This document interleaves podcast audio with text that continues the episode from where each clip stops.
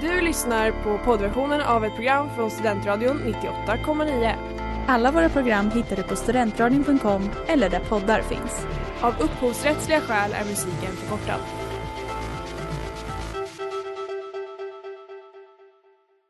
Hej och god kväll, kära lyssnare. Eller ja, god morgon eller god dag eller vad det nu blir för er som inte lyssnar live. Det är sak samma. För det här, mina damer och herrar, och allt däremellan. Det här är det andra avsnittet av succéprogrammet Players. Detta klassiskt svåra andra avsnitt är särskilt tillägnat till er alla dokumentärlovers ute i stugorna. När vi tar oss igenom rättshaveriet kring Peter Rätts abrupt avslut som infiltratör och världens kanske genom tidernas grisigaste turné, Grisfesten. Dessutom olagliga bilar på is i Nässjö, rekordbilliga lägenhetsvisningar i Sorsele och självklart Blekingebornas reaktion på årets vargavinter. Det här är Players. På spåret. Vår tid är nu. Lokala nyheter. Bron. Skärgårdsdoktorn. Och mycket mer.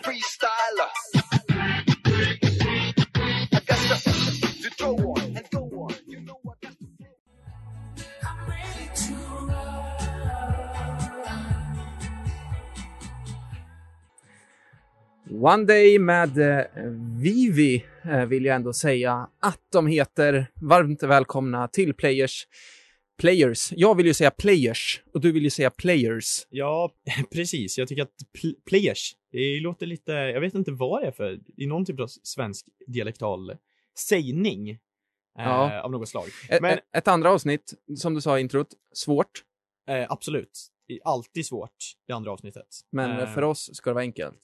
Ja, jag tänker väl det i alla fall. Så att vi ska väl eh, rikta in oss på den här dokumentären som jag har sett, som alltså heter Griståget, även om jag ofta vill säga Grisfesten. Eh, men det var väl lite både och. Grisfest på griståg. Ja, eh, lite så kan jag väl säga. Men, men det, det var grisigt i alla fall. Det En dokumentär om två huvudkaraktärer. kan vi konstatera. Ja, men det är det. Precis. Griståget är alltså dokumentär på SVT Play såklart, som eh, handlar om Svullo, eh, komiker för detta då, eh, eftersom att han eh, är död, rest in peace, rest in peace, eh, rest. Eh, och och Eddie Meduza då också död, rest in peace han också.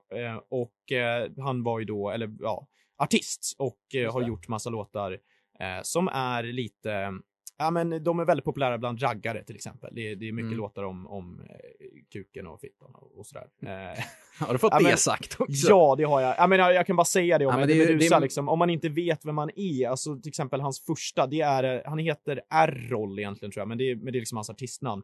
Och första liksom skivan han släppt under det artistnamnet som den karaktären, eller vad man ska säga, då, vi, alltså två låtar på det albumet heter Hemorrojder i mitt rövhål och Sug min kuk. Eh, så det är liksom, Mm. och då är ändå censurerat, det är liksom inte de grövsta Mm. namnen på... Det är så jäkla långt under bältet. Ja, men så är det. Men det var lite bakgrundsinfo till den här dokumentären då om den här eh, turnén som du har, Griståget. Vi kan väl lyssna på ett första klipp från den, tänker jag. Det här är historien om när Svullo och Eddie Meduza ägde sommarnatten. Ja, en klassisk dokumentärröst. Vilken, vi alltså den dokumentärrösten.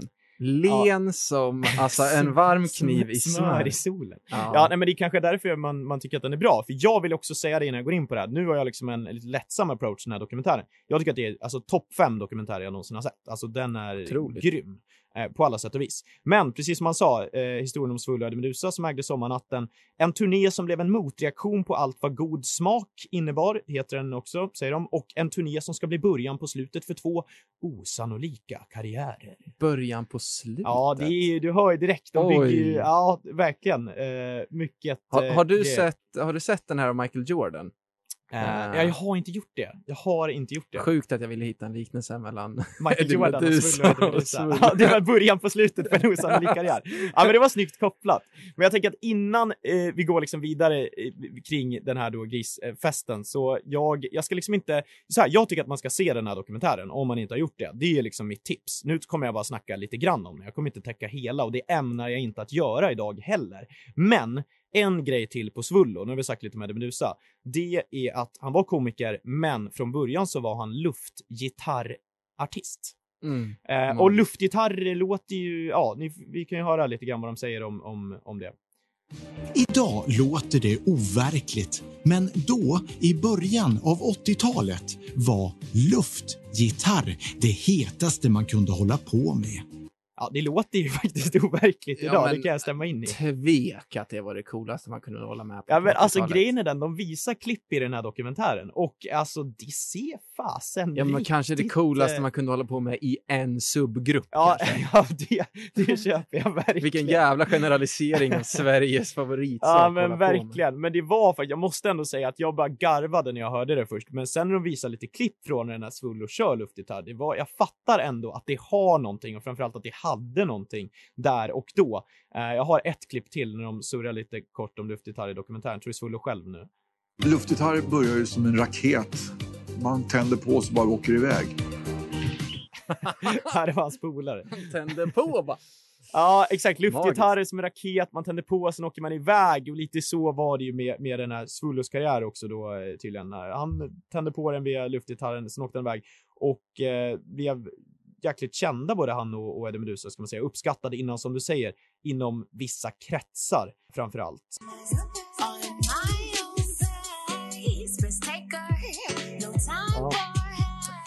Ja, Again med Nike, Ada och Jesse 5K, Studentradion 98,9 är stationen som sänder succéprogrammet eh, Players. Ja, det ska de vara väldigt glada för den stationen. Vi har ju fått extremt mycket anbud från eh, diverse håll och kanter. Fasen vad de hört av sig. Ja, så är det, men, men vi har ändå valt att eh, lojalitet, lite Ja. av vårt signum brukar jag säga. Så att vi stannar här Vi på Studentradion i Uppsala. När man, om vi vi skulle varit en fotbollsspelare så skulle de inte behövt skriva ut modersklubb. Just det, om vi skulle vara ett djur skulle vi vara en hund. Just det, lojal som fan. ja, det tänker jag. Men vi, vi snackar alltså om eh, Griståget. Det är mest jag som snackar eftersom jag har sett den dokumentären om Eddie Meduza och Svullo som han kallas. Det är ju två artistnamn, men jag vet inte vad Svullo heter egentligen. Det säger de säkert i dokumentären. De sa ju också, hörde jag nu, att det var i början på 80-talet. Jag som tyckte att jag lyssnade på den utan att höra. Jag bara, varför säger de aldrig när det här inträffade? Eh, men någon gång i början på 80-talet. Eh, Svullo heter något annat. Eddie Meduza heter också någonting annat. Eh, jag ska snacka lite mer om de här två karaktärerna, men jag tänker bara att vi liksom vi, vi bara spolar av den här dokumentären. Griståget döpte de den till, det skulle vara grisigt, det skulle vara liksom partaj och så. Eh, och jag kan väl säga så här, ja, i mina ögon så lyckades de med det. Vi kan väl höra vad en, deras producent, eller vad de ska kalla honom, manager, som var med på, på den här turnén säger om den. Det var sån brottarsuccé. Problemet var bara det att publiken var 18 år och neråt.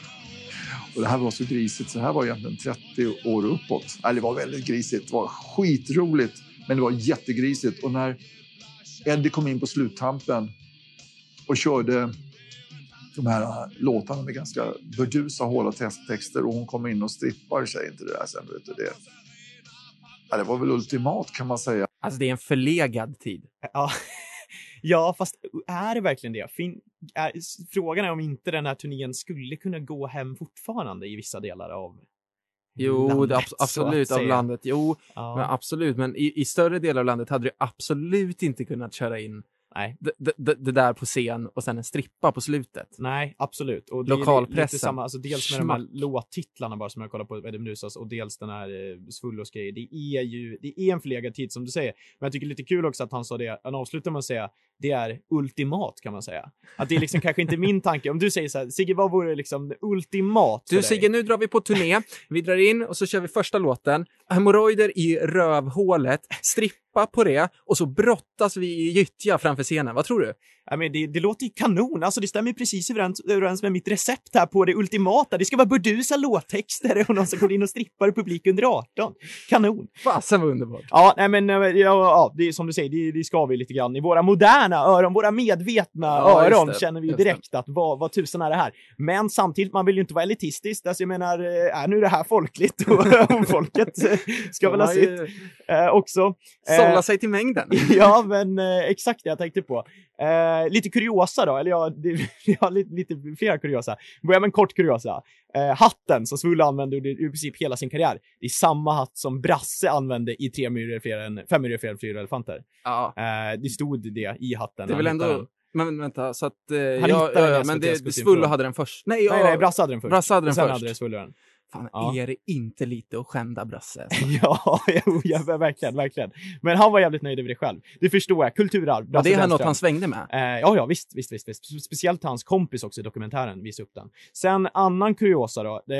Mats Olsson och Per Bjurman är ju två journalister. Mm, eh, vi känner igen mm, Mats Olsson, legendar, Expressen, sportsportjournalist också. Per Bjurman också sportjournalist. Men det är väl han, eh, NHL? eh, Ja, precis, på Aftonbladet. Mm, mm. Men båda de har varit musikrecensenter. Båda de har recenserat eh, Eddie Medusas album och båda de har rec- recenserat det som skit. Var på Eddie Medusa bland annat har gjort en låt som heter Kuken står på Mats Olsson och en annan låt som heter, eller refrängen går i Den den. av mina kusiner spelat något så jävligt i Volvon alltså. Är det sant? Ja. Ja. jag hade aldrig hört den förut. Men så jag hörde något i dokumentären som spelar med låt i bakgrunden där han sjunger i refrängen. Per Bjurman är ett jävla svin, en Borlängebon kanin. Ja. Så att... Fasen, eh, Magnus Uggla fick ju skitmycket kritik också. När han, alla skivor. Om man har lyssnat på hans dokumentär, jag vet inte vilken dokumentär alltså det var. av recensenter. Mm, ja, men det var fasen hans sommarprat tror jag. Alltså recensenterna sågade honom alltid. Men han har inte gjort någon Och han liksom, lyckades ju, hämnd- precis som Eddie Meduza och så. Ja, men han gjorde inte någon hämndlåt. Nej, och det gjorde han ju inte. Men bevisligen hade han ju kunnat göra det. Han hade lite mer eh, Big Dick Energy kan man säga då. Och inte behöva slå tillbaka. Ja. Eh, vill vi ju också lägga till här, nu när vi pratar om det här, i, till Eddie Medusas och Svullos försvar så verkade båda ha en nattsvart uppväxt om man ska tro dokumentären. Men det får man ju se i dokumentären. Det tänker inte jag gå in Eddie på här. Meduza och Svulle gjorde inte Eh. en låt som hette Jag och min far. Nej, men precis, precis. Eh, så det, det, det vill jag ändå liksom lägga in så för att försvara deras eh, arv på något vis. Eh, men eh, ytterligare en kuriosa grej som jag fick med mig från den här dokumentären. Hit it. Eh, innan Eddie Meduza döptes till Eddie Meduza som artistnamn då, så, så eh, hette han någonting annat. Eh, och eh, det är det är ganska speciellt namn så. Du, jag gissar att du inte har koll på det. Nej. Nej, det Eh, var ju Errol sa du ju. Ja, men det hette han på riktigt. Men, men var hans första liksom försök till att göra ett artistnamn. Innan Eddie Meduza. Ja, Eh, precis. Ja, det är svårt. Jag vet, jag vet inte varför jag ber dig att Nej, gissa. jag vill nej. bara ha lite så dramatisk spänning innan jag droppar Dynamik i att studion. han hette E. Hitler. Oj. Ja, men då kan vi lyssna på varför. För jag, men då vänta, känner man ju finns så det här, inte någon, ar- någon eh, film som börjar på i, i, i, i någonting? Ja, och okej. men då, ja. då så kan man ju, ja, alltså i, vadå, i, i type tänkte jag säga. I. E.T. tänkte E.T. jag. Ah, Okej, okej. Ja, bra koppling. Jävlar. Okej, men- men, men, men det, var, det, det var inte därifrån han kommer, det är inte heller e-mail. Alltså det finns ju många grejer. Idag är väl e liksom elektroniskt, men, men så här, vi kan vi lyssna lite kort varför han hette e Hitler. Jag tyckte det var en kul förklaring till det.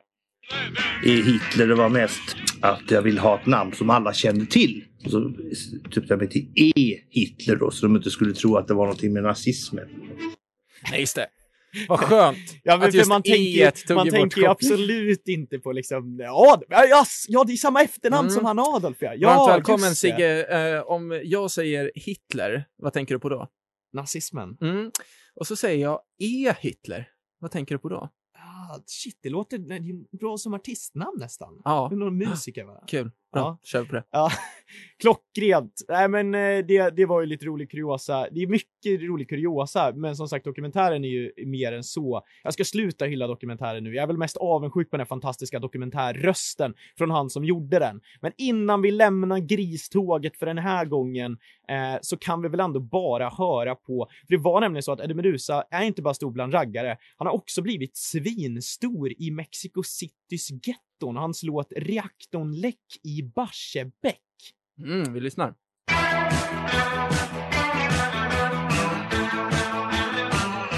Hur den kommit till att bli en hit i Mexico Citys socialt utsatta förorter vet ingen. Nej, det är ju lite svårt att veta och det svarar inte dokumentären på. Det kanske hade varit en dokumentär för sig att reda ut hur den kunnat slå där, men vi lämnar det där helt enkelt eh, med... Eh, Är det vad Eddie Meduza och läck har gemensamt, gemensamt med, eh, vad heter han, Searching for Sugar? Ja, det är fan sant. Två bra dokumentärer, två artister som har slagit på, eh, vad heter det, oväntade ställen. Ja. So we're doing it again. Doing it again. Round and round in circles, never know if we'll see it through to the end. End. Gotta be an addiction, I need a fixin', no need to pretend. No need for that. I asked when we gonna be together and it ain't been the same since then. Uh -huh. Nu är det dags då att lämna över till lokala nyheter. Äntligen!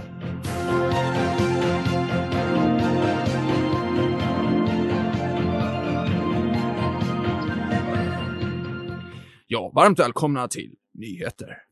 Eh, fan, den tycker jag gjorde rätt bra. det var inte...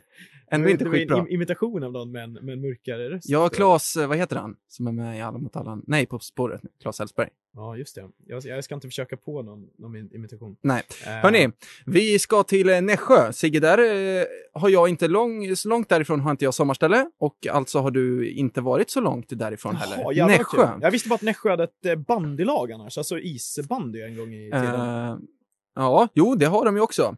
Men hörni, det har blivit ett så kallat bilförbud på sjöarna i Nässjö. Ja, ni hörde rätt. Det är bilförbud på sjöarna i Nässjö. Det är ju den här varje vintern som har bidragit till, till en ruggigt tjock is. Eh, men det har ju också gjort att eh, motsatsen till oss som bor i de lite större städerna, no offense Nässjö, men ni får nog betrakta som en mindre, mindre stad. Håla i, Stock i Stockholms Stock- perspektiv. Ja, i Stockholms perspektiv, ja. Ja. verkligen.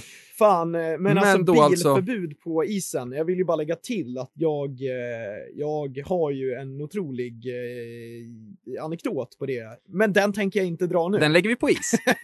ja. Jajamän. Ja, och eh, efter då helgens bravader så har det körts en hel del bil då med lite rallybil på, på isen, på plogat spår. Och då säger då den här eh, Eh, ja, kommunmannen så här om detta. Eh, det kan man ju förstå. Det är ju en rolig grej att ut och köra bil på eh, is. Men det är ju en logisk förklaring till att man inte kan göra så här. Inom detaljplanlagt område där vi har park, där är det inte okej att köra bil. Nässjö kommun kan inte garantera säkerheten att man är och kör på en sjö. Sen så är detta en del av Nässjö affärsverks nödplan för dricksvatten. Och skulle det hända någonting, ett läckage eller liknande, så är det en allvarlig situation för oss. Fy fan vad tråkigt. Ja, jo, jo, det är det ju. Men det det är väl ändå bra, eller som jag fattar det, vadå? Nu, alltså grejen men med, alltså, jag vill bara ja, lägga men till det är- med, med de här liksom, ja, lokala nyheter. Jag tycker fan det är så jävla kul att lyssna. För jag lyssnar alltid på dialekterna när man är på såna här ställen, så glömmer jag alltid bort att lyssna på vad de säger.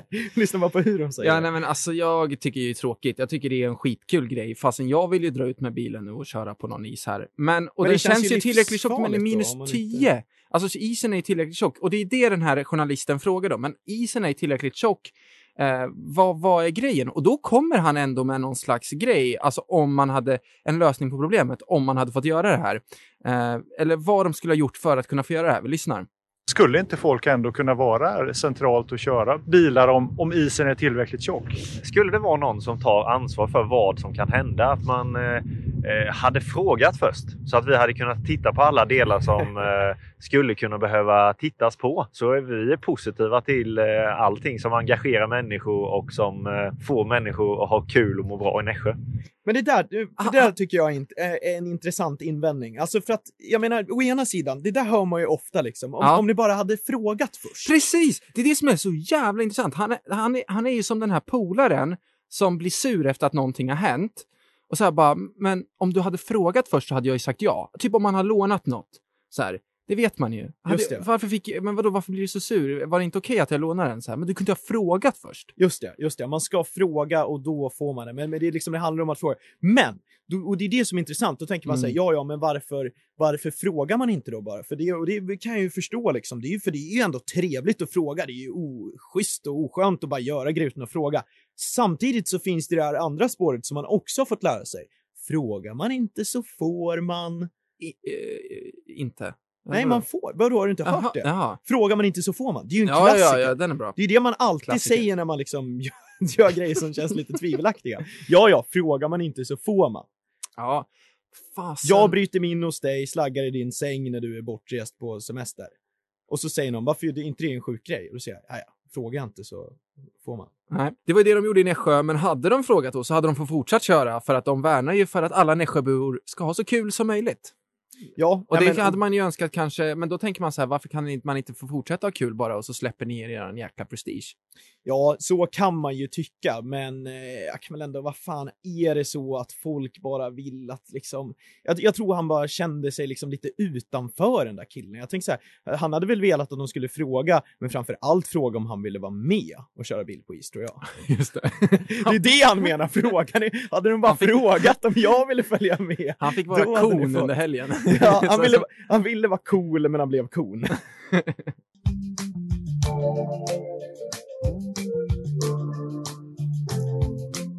Paradisco med volleyboll, vad nu fasen ett Paradisco är.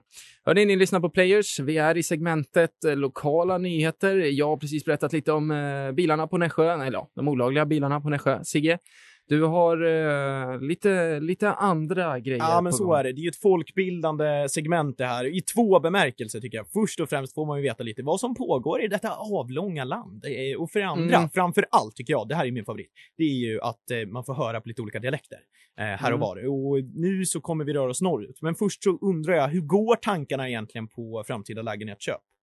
Eh, nej, men de går... eh, det, det, ehm, oj, vad svårt. Jag har skrotat Stockholm, tror jag. Ja, det är så. Men Mm. skulle du kunna tänka dig att flytta till eh, Västerbotten kanske? Sorsele? Min, min syrra bor ju i Umeå, det är Ja. i Västerbotten.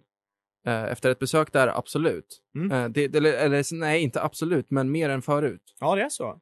Men, Men, men, vad roligt. Sorsele, eh, jag vet inte. Har jag förstått det rätt om det är lite den ekonomiska frågan? Som... Framförallt när det gäller Stockholm kanske. Ja, så är det ju. Jag... Eller man har ju insett att det krävs ett par års sparande till. Ja, verkligen. Men eh, i Sorsele så är läget eh, lite annorlunda.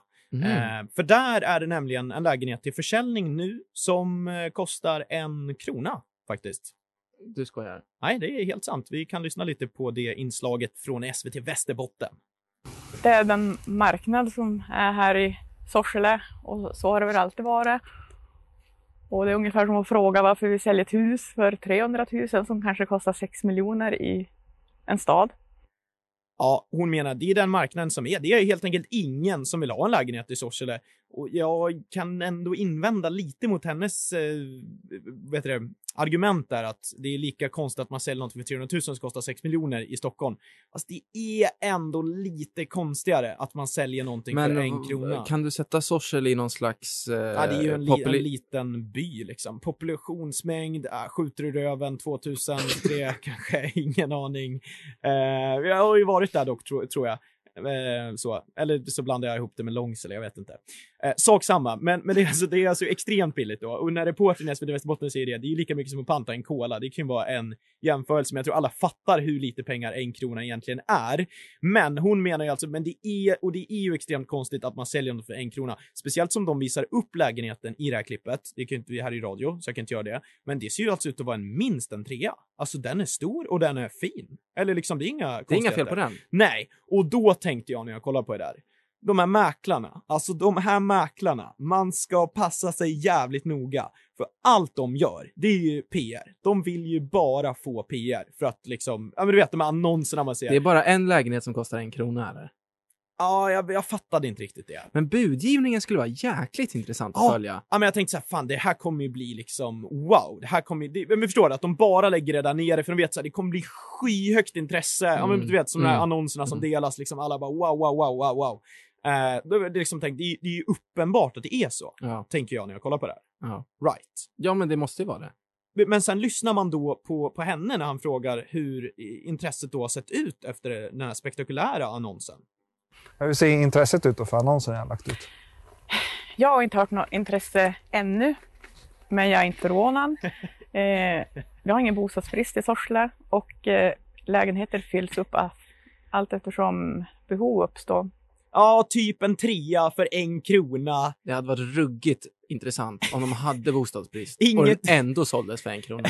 inget intresse, men de är inte förvånade i Sorsele. För det är ingen som behöver bostad här. Så, men, men de har inte lärt sig om så spekulation i Sorsele, att man liksom, man köper den, så kanske man säljer den om några år när det är, när det är bostadsbrist. Men ska vi köpa den eller? Nej men alltså jag blir ju jättesugen på riktigt.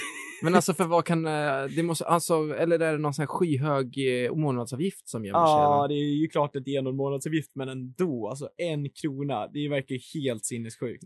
Nästa vecka kan vi eventuellt vara lägenhetsägare. Så är det. Mm. Väldigt eh, intressant. En blir snabb det. grej bara vi innan- rö- Men vi innan rör oss från eh, Sorsele nu va? Från norr till söder, precis. Ja. Jag vill bara en snabb med. Jag vill landa i Blekinge och det är egentligen inte för att det finns jättemycket roligt som hänt i Blekinge, men jag vill få med deras dialekt. Jag vill att de ska få representeras i det här avsnittet. Mm. Eh, snö och väder i Blekinge, precis som i hela landet. Blekingeborna är ju inte unika, eh, men vi har, vi kan lyssna lite på, på vad de säger. Först är det en kvinna som är väldigt glad här med över snön. Det kan man ju vara. Ja, jag tycker det är underbart och framförallt för barnen. Om man kan ut och aktivera sig med dem i backen när det är sådär slaskigt och grått och regnigt och tråkigt. Så detta är ljusa upp och ja, tycker det är fint. Det är väldigt vackert.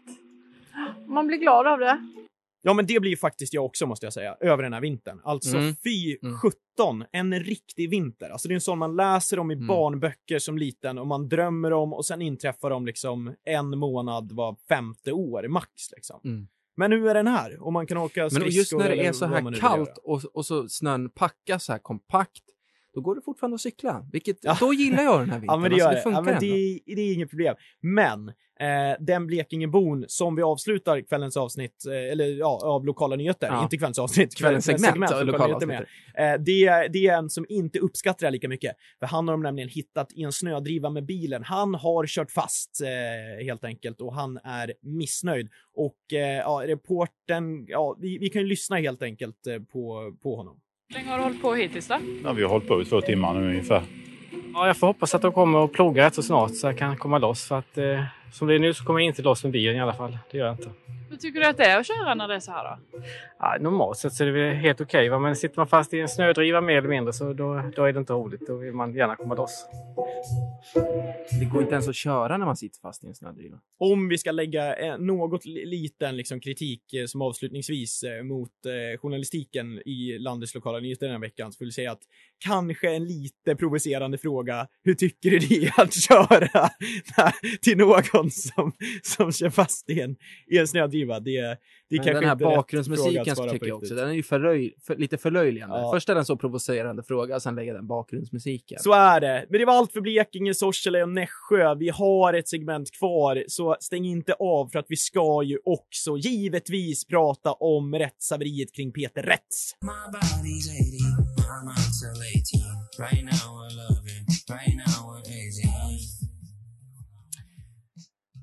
3000 mil, om den hade varit på svenska. 3000 miles på engelska med Geek. Och här sitter jag med en kille som kan språk. Ja. Bilingual, så att säga. Här fattar jag inte. Tvåspråkig tror jag man på engelska. På svenska då? Tvåspråkig. All right. Ja, hörni, eh, det är jag som ska ta er igenom eh, en eh, annan dokumentär. Det är det andra programmet i det här andra avsnittet av Players som ska gå igenom. Och jag har valt programmet, eller dokumentären Inf- Infiltratören, där man ja, kartlägger egentligen historien om eh, Peter Rätts som blev infiltrerad, eh, eller blev infiltratör i... Men det var han som eh, infiltrerade. Ja, han infiltrerade både det ena och det andra, höll jag på att säga, men framförallt MC-gäng och deras kriminella aktivitet. Eller, ja, kriminella, vad säger man? Ja, Organisation. men ja, kriminell aktivitet eller organisation. Eh, och ja, men, eh, jag tycker att den här, jag tappade lite hakan. Jag har inte lyssnat på den här då, alltså dokumentären som är från P3 och därmed inte heller eh, ja, men jag visste ingenting om det här. Jag fattade inte grejen. Men Just det såg det. jäkligt intressant ut. Så jag började lyssna. Eh, Peter Rätts då, eh, egentligen började jobba som bartender eh, runt om i Stockholm. Eh, ganska oskyldigt egentligen. Han är egentligen bra på en sak. Servera öl. Och snacka. Han är bra på att snacka. Och detta identifierar då eh, polisen på ett och, ett och annat sätt.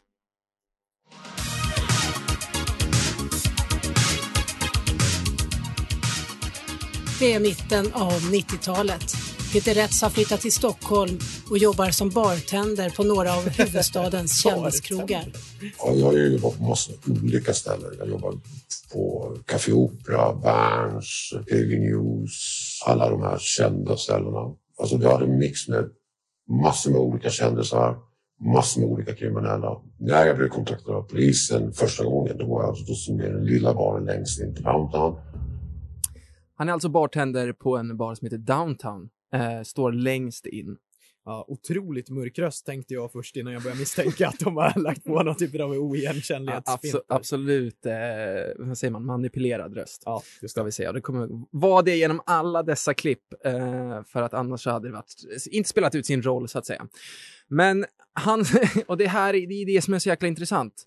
Det enda som krävs för att du ska bli en infiltratör egentligen, det är att du är bra på att snacka, eller bra på att snacka, servera öl på en bar i Stockholm. Just det, men det handlar väl också Det kanske hade ju om fan man... kunnat hända dig Sigge. Jo, fast det handlar väl också lite om man vill bli, eh, eller? Jag vet inte. Jo, jag... jo, sen vill han ju bli, men att du bara ska bli utplockad. Just det. För sen så då så eh, händer det ju lite här då på baren. Han var ju omtyckt, det, det märkte vi.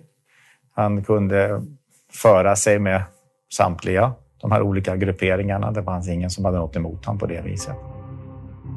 Och då kom det fram två personer som är svartklädda med bomberjackor, kängor, renrakade. Ja, varningsklockorna ringer.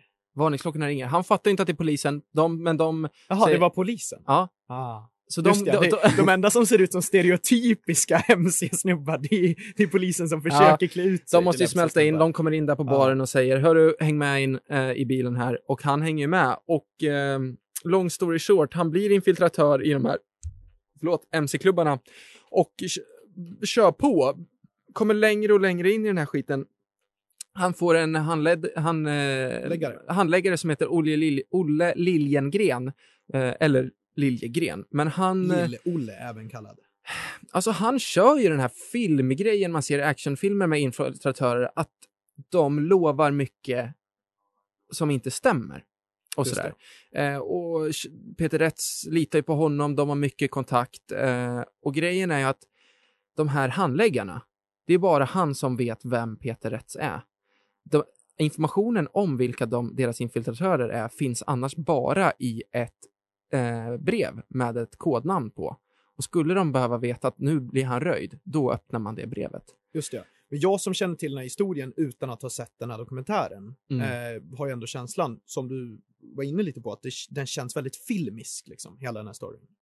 Ja, och det fick jag veta här av eh, en polare att Johan Falk-filmen har tagit väldigt mycket inspiration tydligen från de här, Okej. från de här berättelserna. Johan Falk-filmerna, nämnd i båda avsnitten av Ja, Players än så länge. får se hur länge det håller. Eh, och han etablerar sig mer och mer, åker till Estland för att eh, jobba in lite nya knark och smuggelmöjligheter och den Smart. verksamheten sätts igång. Eh, och nu ska vi föra ett litet längre klipp om, eh, ja, och det här är verkligen en filmscen liksom som man bara känner igen. Och jag, alltså jag kan inte fatta att det här liksom har hänt på riktigt. Han tas alltså in i ett plastrum för att liksom etablera kontakt med de här personerna. Det är ett rum helt klätt i plast. Han tas in i det här rummet för att men, men är det för att det, det inte ska regna in då? Eller Nej, alltså, du kan ju tänka dig, det ska ju kanske, kanske komma skvätta blod. Ah, aj, aj, ja, Mm, just det. mm, jag har sett lite för lite deckare på sistone för att dra kopplingen. I en sån situation så tänker man inte så mycket utan det blir snarare ju att jag svarar ju väldigt fort. Jag sa ja, ja, men är det så ni tror så då är det bara att skjuta för jag är alldeles för trött för att sitta här och tja- tjafsa med er liksom. Och så skjut bara. Så, så är det lugnt. Och då sträcker jag fram och tar min hand och säger ja, du, du måste vara mest skadad svensk jag någonsin har träffat.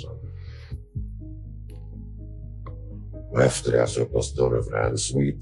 Så öppnas den dörren så kommer in massor med tjejer med drickor med, med vodka och rysk kaviar. Och så blir det en fest. De sätter alltså en poli, eh, nej, de sätter en pistol mot huvudet på honom och säger du är, du är polis va? Och han svarar ju rakt upp och ner eh, nej, jag orkar inte tjafsa. Om du tror det, skjut dem. Men vet du vilken känsla jag fick av den här scenen? Nej. Det vände fort i hockey. Alltså, från att skjut mig bara om ni vill tjafsa. Ja. Och så bara, okej, in med vodka och rysk kaviar. Och brudar. ja, precis. Nej, helt otroligt. Eh, hörni, vi kör en eh, liten låt innan vi eh, går vidare in i lite mer... Eh, Peter Rätts öde. Ja, ryska eh, kokssmugglingar också, bland annat. Dit vill man ju hamna.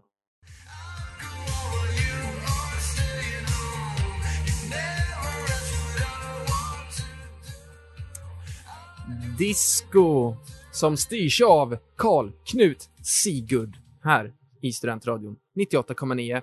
Du lyssnar på programmet eh, Players med mig Hugo Miller och eh, min kompanjon. Ja, det är jag. Ja, det är du. Det finns ingen annan i studion. Nej.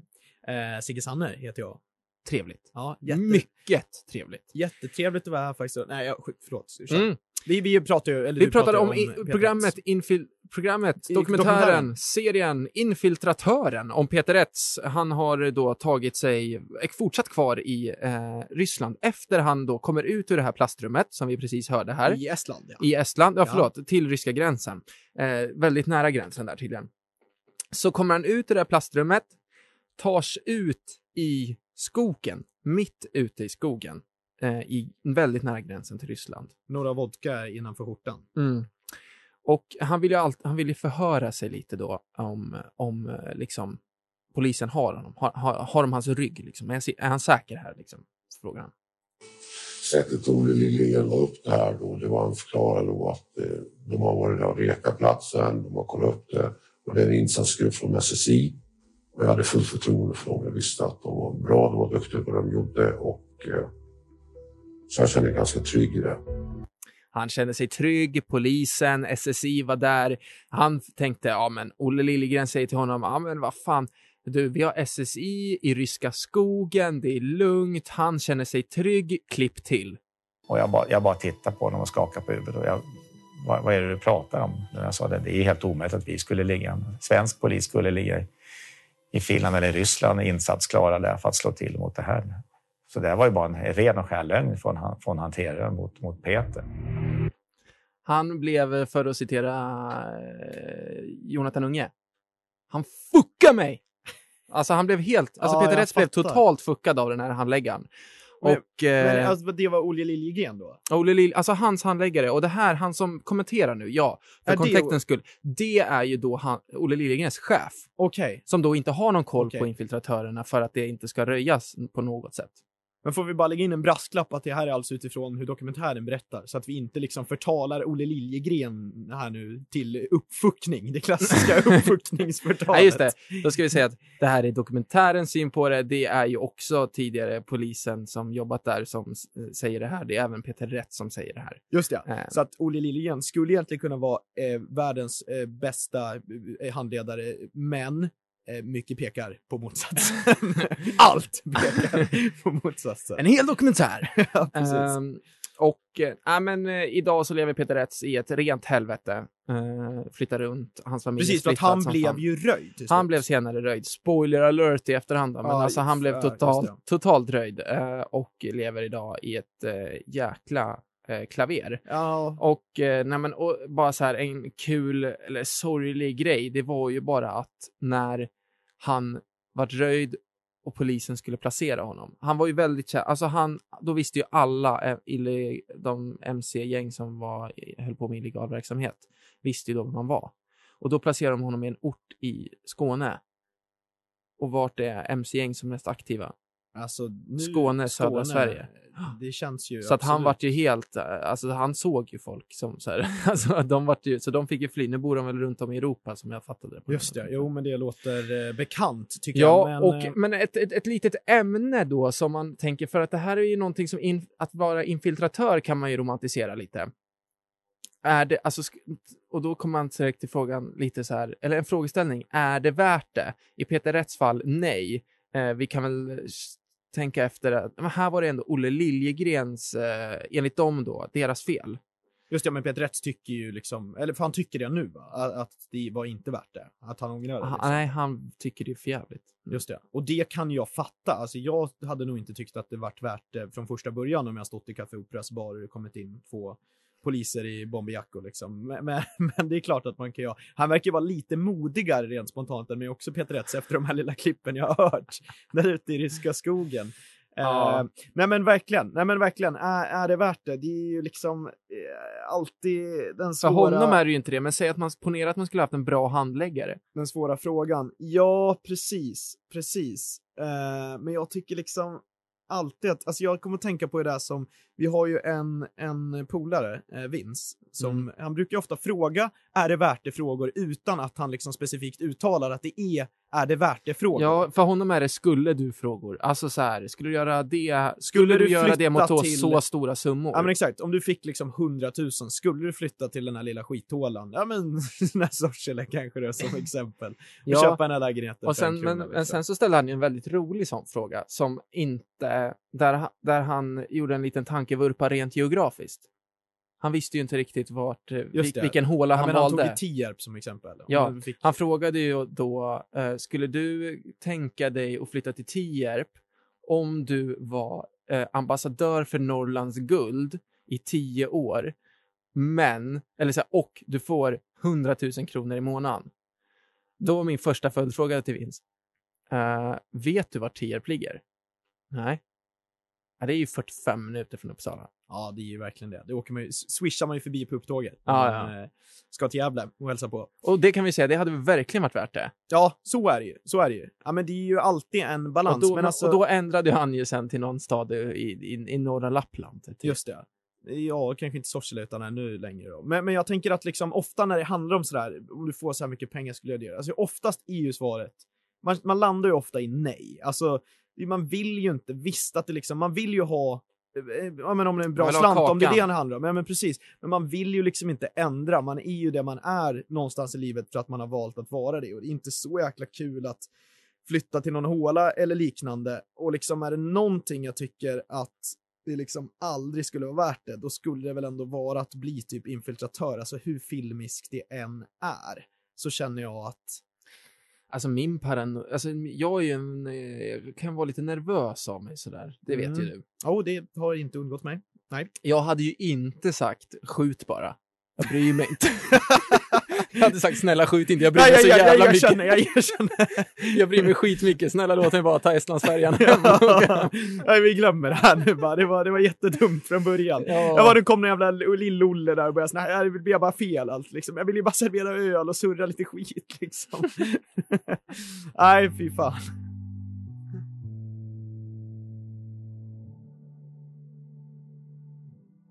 Prom med Augustin. Och eh, ja, hörni, det andra svåra avsnittet, det komplicerade avsnittet av succéprogrammet Players är avstökat, genomfört och härmed så gott som avslutat.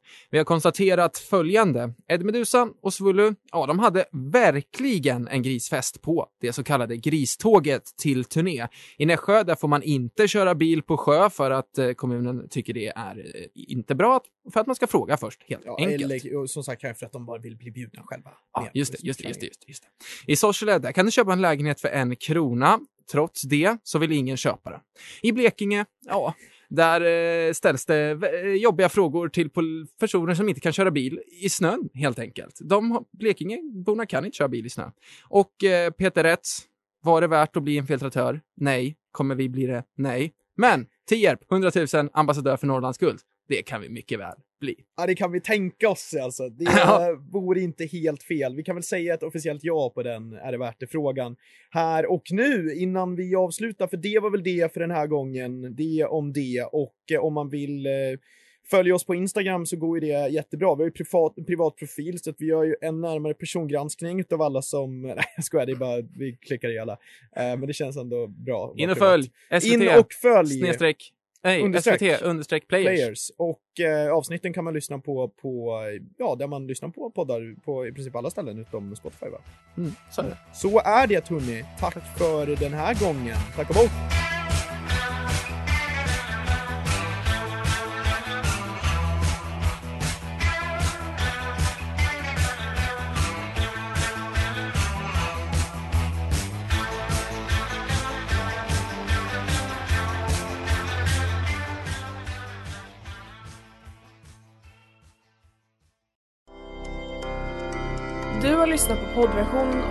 Program från Studentradion 98,9. Alla våra program hittar du på studentradion.com eller där poddar finns.